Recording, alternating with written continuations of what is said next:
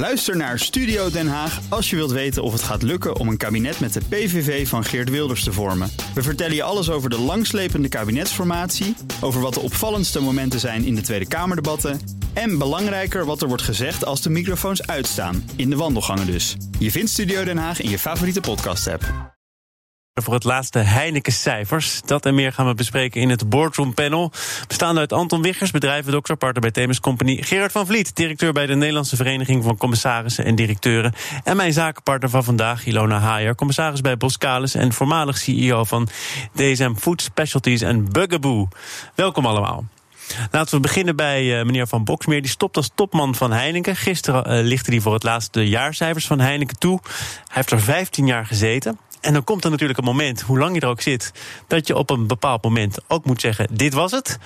Wat doet dat, denk jij, met het bedrijf, Anton? Nou, wat ik heel goed vind, dat hij heel voorspelbaar heeft gezegd van nou, wat hij ging doen, dat heeft hij ook gedaan. En uh, hij heeft ook gezegd, ik ga, ik ga vroegtijdig vertrekken. Om ook vertrouwen te creëren. En eigenlijk is vertrouwen creëren en voorspelbaarheid creëren ook iets wat in zijn DNA zit. Dat zie je ook terug in de resultaten van het bedrijf. Uh, af en toe moet je ook erkennen dat te veel misschien wordt geprojecteerd op de, op de CEO. Hè. Alle, alle resultaten van het bedrijf. Maar hij heeft het gewoon goed gedaan en de timing was perfect, denk ik. Wat bedoel je met uh, wat jij zegt, het projecteren van alle resultaten op de CEO? Je moet het niet overschatten. Ik denk dat dat zo is. Ik denk als een bedrijf, uh, als de CEO even een jaar er tussenuit gaat, dan gebeurt er niet zo heel veel. Oh nee? Nee. Dat is mijn mening. Ik kijk even verwachtingsvol naar de andere kant van deze tafel. De CEO kan best een jaar met vakantie? Ja, als het zo zou zijn dat uh, de aanwezigheid van een CEO alles maakt of breekt, dan zou we heel slecht voorstaan. Nee, niet alles, maar het mag toch op zijn minst wel een rimpeling veroorzaken. Als iemand een jaar zegt, ik knijp er even tussen. Als je alles goed op een rijtje hebt staan, je hebt je visie uh, kunnen bepalen, je tip op de horizon, je hebt goede mensen om je heen, dus geen kleren van de keizer uh, verhaal, dan kan een CEO kan, kan echt, echt wel eventjes weg. Ilona? Nou, het, een, een, jaar denk ik wel, ja. maar ik denk ook dat daarna het best voelbaar is. En, uh, Absoluut. En dat... Hoop, hopelijk voor hem wel, ja. Of, voor, of haar. haar. Of voor haar, Ja. Precies. Ja. Um, en niet alleen hoop ik voor hem of haar, maar omdat ik er toch wel in geloof dat, uh, dat bepaalde zaken uh, bij de top beginnen.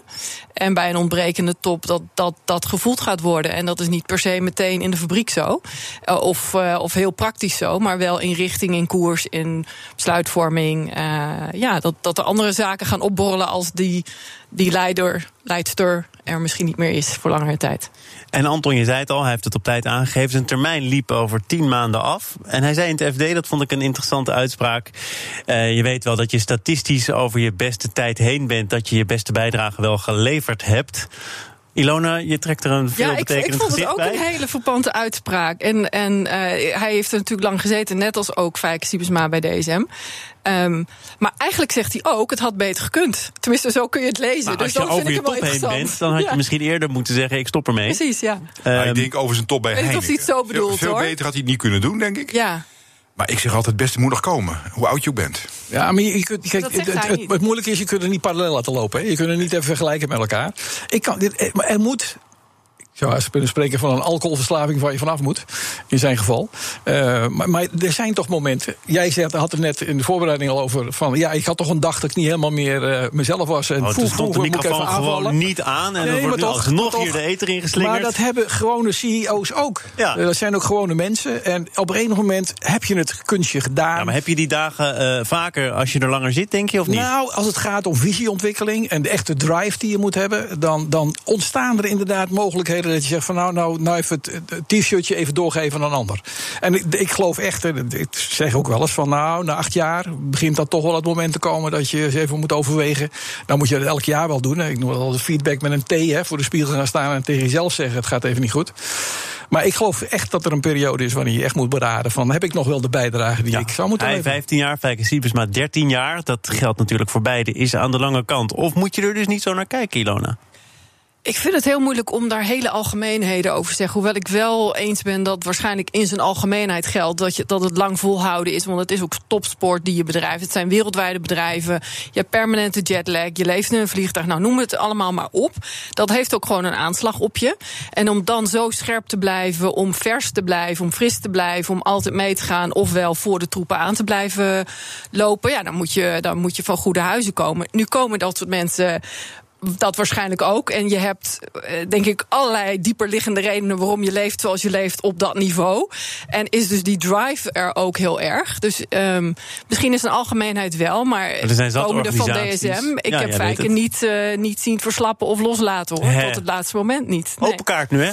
Ja, nee, helaas, dat kan ik niet zeggen. Maar er zijn zat organisaties waarin gewerkt wordt met maximaal twee termijnen. Van maximaal dan weer per termijn zes jaar bijvoorbeeld. En dan heb je het wel gehad. Nou ja, als je gaat kijken en meten wat de gemiddelde zittingsduur is van een gemiddelde CEO op dit moment, is het uh, niet drie, vier, vijf jaar af en toe.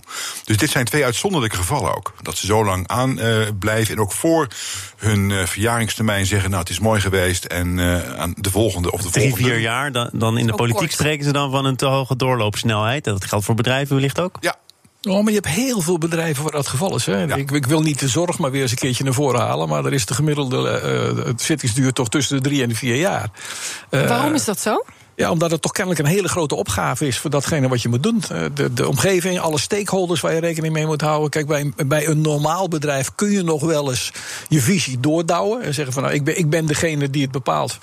Paul uh, Polman, maar, kunnen we het over hebben, hè? Met Unilever? Nee, maar Grote ook, gevecht, het boek. Je, jawel, maar ook Paul had natuurlijk het probleem dat hij weliswaar wilde, maar op de cruciale momenten ja, ook niet te zin kon krijgen. Hij wilde het systeem veranderen, ja, ja, dus nog wat anders dan bedrijf. Dat is net even te veel van het goede in dat geval.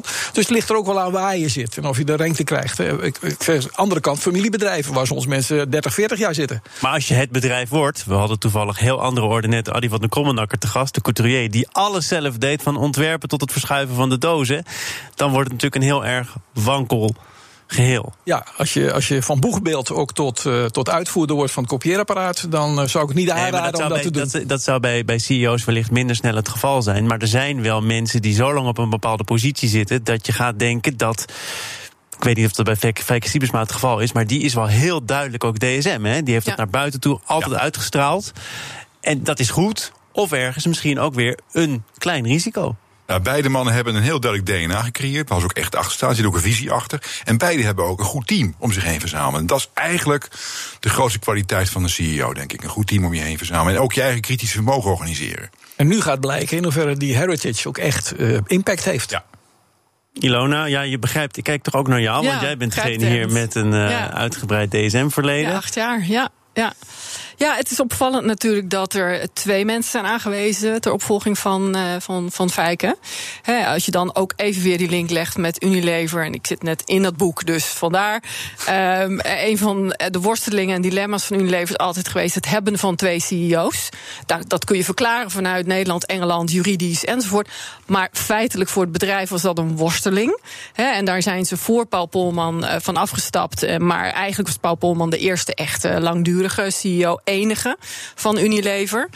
Um, en dat heeft ook heel veel uh, voordelen gehad. Dus Um, ik vind dat een opvallende in, uh, in de opvolging van Fijke Siebesma. Dat zowel Geraldine als Dimitri, uh, Geraldine Machet en Dimitri de Vreese zijn aangewezen. Het zijn volgens mij wel beide mensen die het bedrijf goed kennen, toch? Ja, nou, Dimitri heeft zijn hele carrière bijna bij DSM gezeten. Financieel goed onderlegd. Uh, kent uh, met name de materialskant heel goed. En Geraldine kwam van buiten als CFO.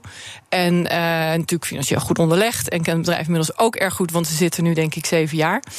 Um, en toch is het interessant dat je het dan met z'n tweeën moet gaan doen. Hè? Het is wel Uh, uitgelegd als, oh, kennelijk zijn er twee mensen nodig om één iemand die zo zijn stempel heeft gedrukt te vervangen. Ah, Misschien heel simpel. Dat is onzin. Dat, is echt onzin. Moeilijk, hè? Die, Dat is ja. echt onzin.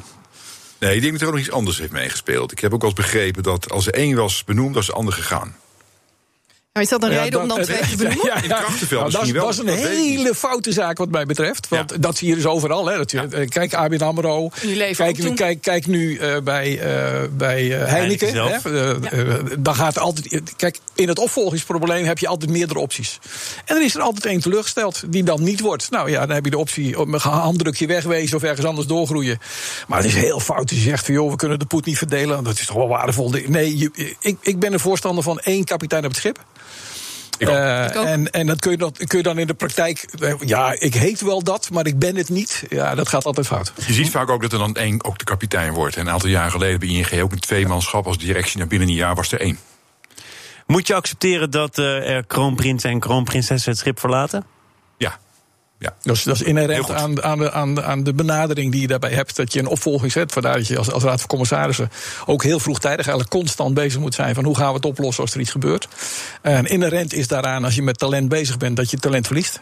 Ja, successieplanning is eh, evident voor de, voor de lange termijn. En ik denk dat het heel normaal is dat ook mensen gewoon aan de bovenkant verdwijnen. Maar, maar dan kom ik toch nog even terug. Als er zo uitvoerig over nagedacht wordt, als er sprake is van een planning, hoe het dan kan dat de gemiddelde duur dat een CEO echt aan het roer staat drie tot vier jaar is. Misschien wel om de planning waar te maken. Om, om, alvast wat het is apart dat, dat je een hele specifieke branche noemt, de zorg. Want ik, daar zijn misschien andere dingen gaande, eh, waardoor dat zo is. Want dat is niet een branche die een, enorme hoge dynamiek kent. Je zou het misschien Oh, verwachten in. je in. Nou, je zou het misschien verwachten in de IT of in de artificial intelligence of daar waar eh, productontwikkelingen ontzettend snel zijn. Je nu met de meest recente kennis iets moet doen. Ehm, dus ik ken de zorg niet goed genoeg, maar ik vind, eh, dat vind ik een aparte sector. Nou, het dus is vooral daar heel iets anders het aan is vooral de dynamiek van de zorg die daarvoor zorgt. Ook Ja. daar speelt die hele digitalisering natuurlijk een rol. Maar speelt natuurlijk alle patiëntendynamiek. eh, De tegenstelling met, eh, met, artsen en met eh, de bedrijfskundige zaak. Heel veel dynamiek waar je als, als directie-CEO altijd slachtoffer bent.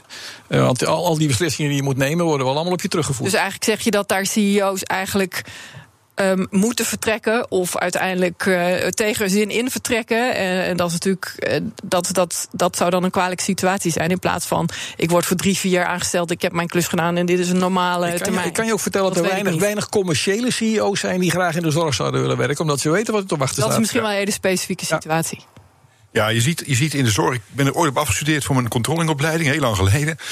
Maar dat de impact van de besluitvorming in de politiek op de bedrijfsvoering van een gezorgdbedrijf is ongelooflijk. Want je, moet dan, je krijgt een wetgeving, vaak zo tegen de kerst, die 1 januari ingaat. Nou, dan krijg je drama's, administratief, bestuurlijk. En eh, ik denk dat de politiek zich ook iets zou moeten afvragen om dat meer lange termijn eh, te laten zijn. Ja. Zaken doen.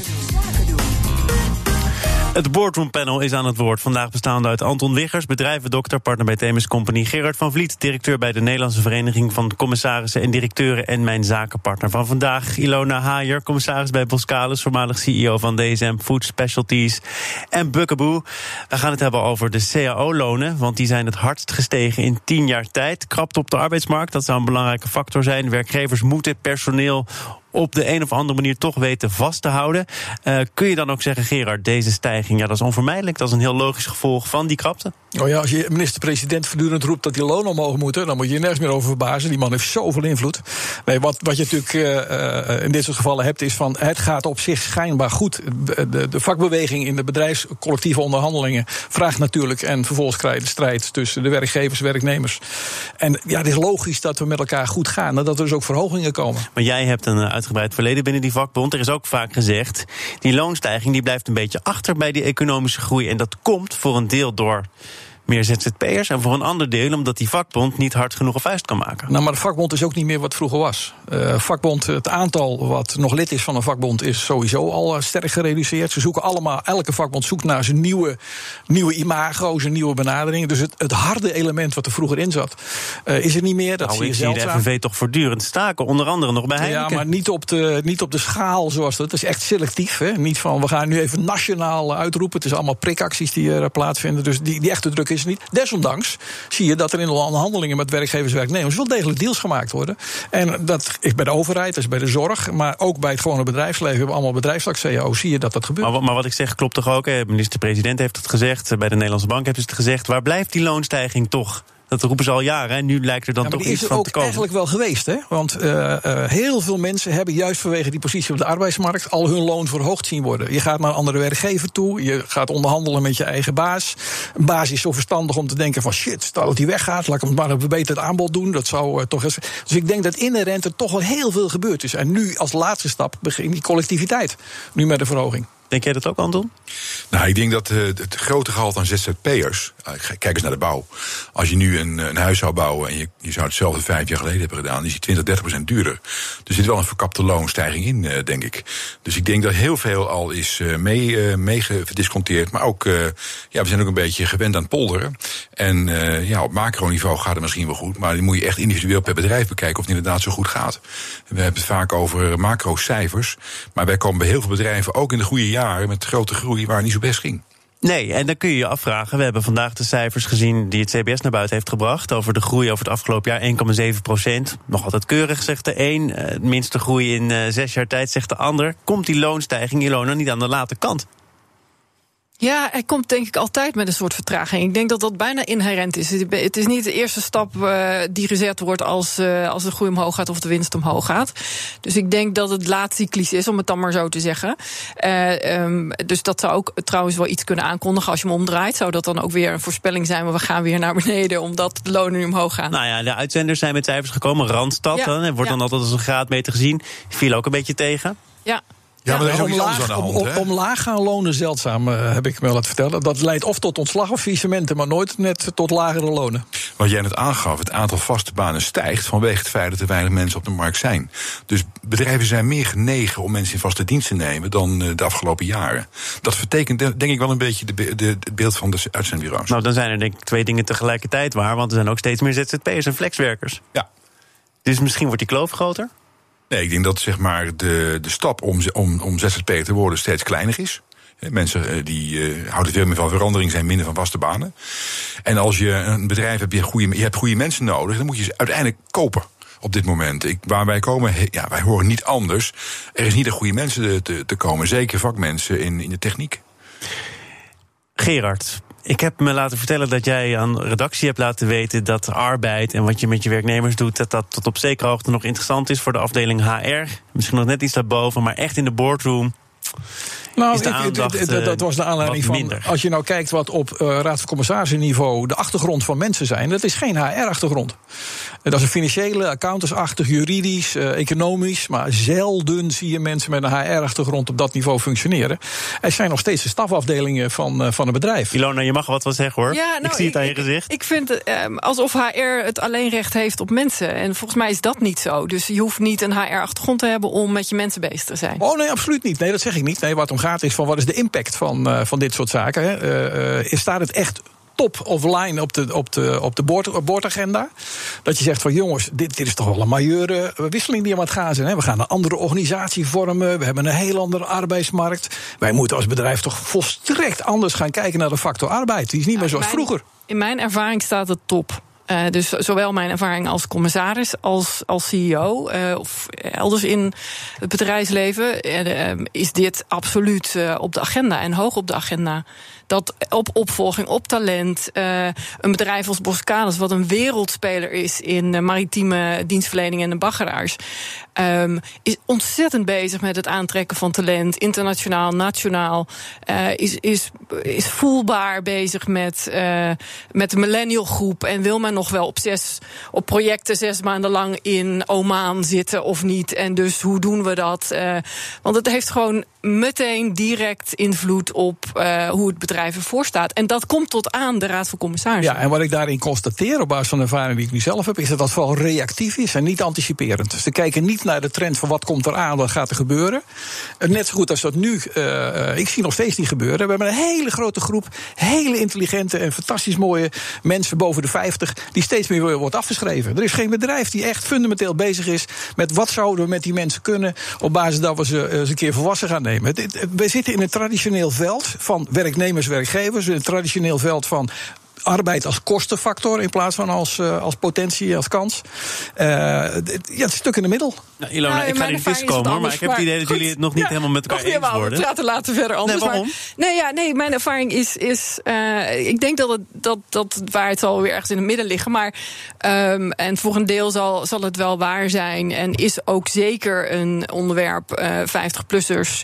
en zeker met de vergrijzing. waarom zetten we die ervaring en die kennis niet in? Tegelijk is een onderwerp. De wereld verandert echt sneller dan uh, 40 jaar geleden. Uh, dus um, wat is de waarde van uh, 50-plussers, om het dan maar zo te zeggen? Um, maar het zijn in ieder geval onderwerpen die ik actief tegenkom op agenda's van de top van het bedrijfsleven en ook in commissariaten. en niet alleen maar als het probleem zich al heeft geopenbaard, om het dan maar zo te zeggen. Maar juist vooruitkijkt. We hebben net weer strategische meerjarenplannen gehad bij een aantal bedrijven waar ik bij betrokken ben. Waar dit gewoon een heel actief groot onderwerp is van, uh, van, van het vooruitkijken en het plan. Anton, als de waarheid in het midden ligt, ben ik benieuwd wat jij ervan vindt. De waarheid ligt nooit in het midden, moet je zeggen. Oh, ik dacht dat jij het midden was. Nee, dat is niet zo. Nee, nee, nee. Nee, maar HR, ik denk dat, eh, dat in de boardroom... Daar, dat het echt een dominant thema is, puur door de schaarste. Hoe je het organiseert... Of je een, een, zeg maar een HR-directeur in je board hebt, dat is weer iets anders. Maar ik denk, ik weet zeker. Vind je dat belangrijk overigens? Nee, vind ik niet belangrijk, als het maar gebeurt.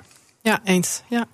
Ja, ik, ben, ik ben het er overigens absoluut niet mee eens. Ik vind Mooi. dat, dat, dat discussie. in het kader van eh, wisselende eh, schijven, want je ziet nu dat digitalisering, HR, innovatie steeds belangrijker worden in het kader van de verbouwing die constant is, er echt meer aandacht moet worden besteed aan de achtergronden van mensen die op dat niveau gaan functioneren. Nee, dat ben ik met je eens. Maar als ik in de lijn verantwoordelijk ben voor een bepaalde groep, product, dan zorg ik dat, ik- dat ik de goede mensen op de juiste plek heb. En dan zorg ik dan zelf voor. en er zijn nog Dus daarom zeg ik ook hoe je het Er zijn organiseert. nog te veel bedrijven die daar de HR-afdeling voor hebben, die zelfs geen eens een gesprek durven te voeren met hun eigen mensen. Want ja, daar hebben we toch de HR-functionaris. Ik denk dat HR-afdeling onderdeel moet zijn van je lijn.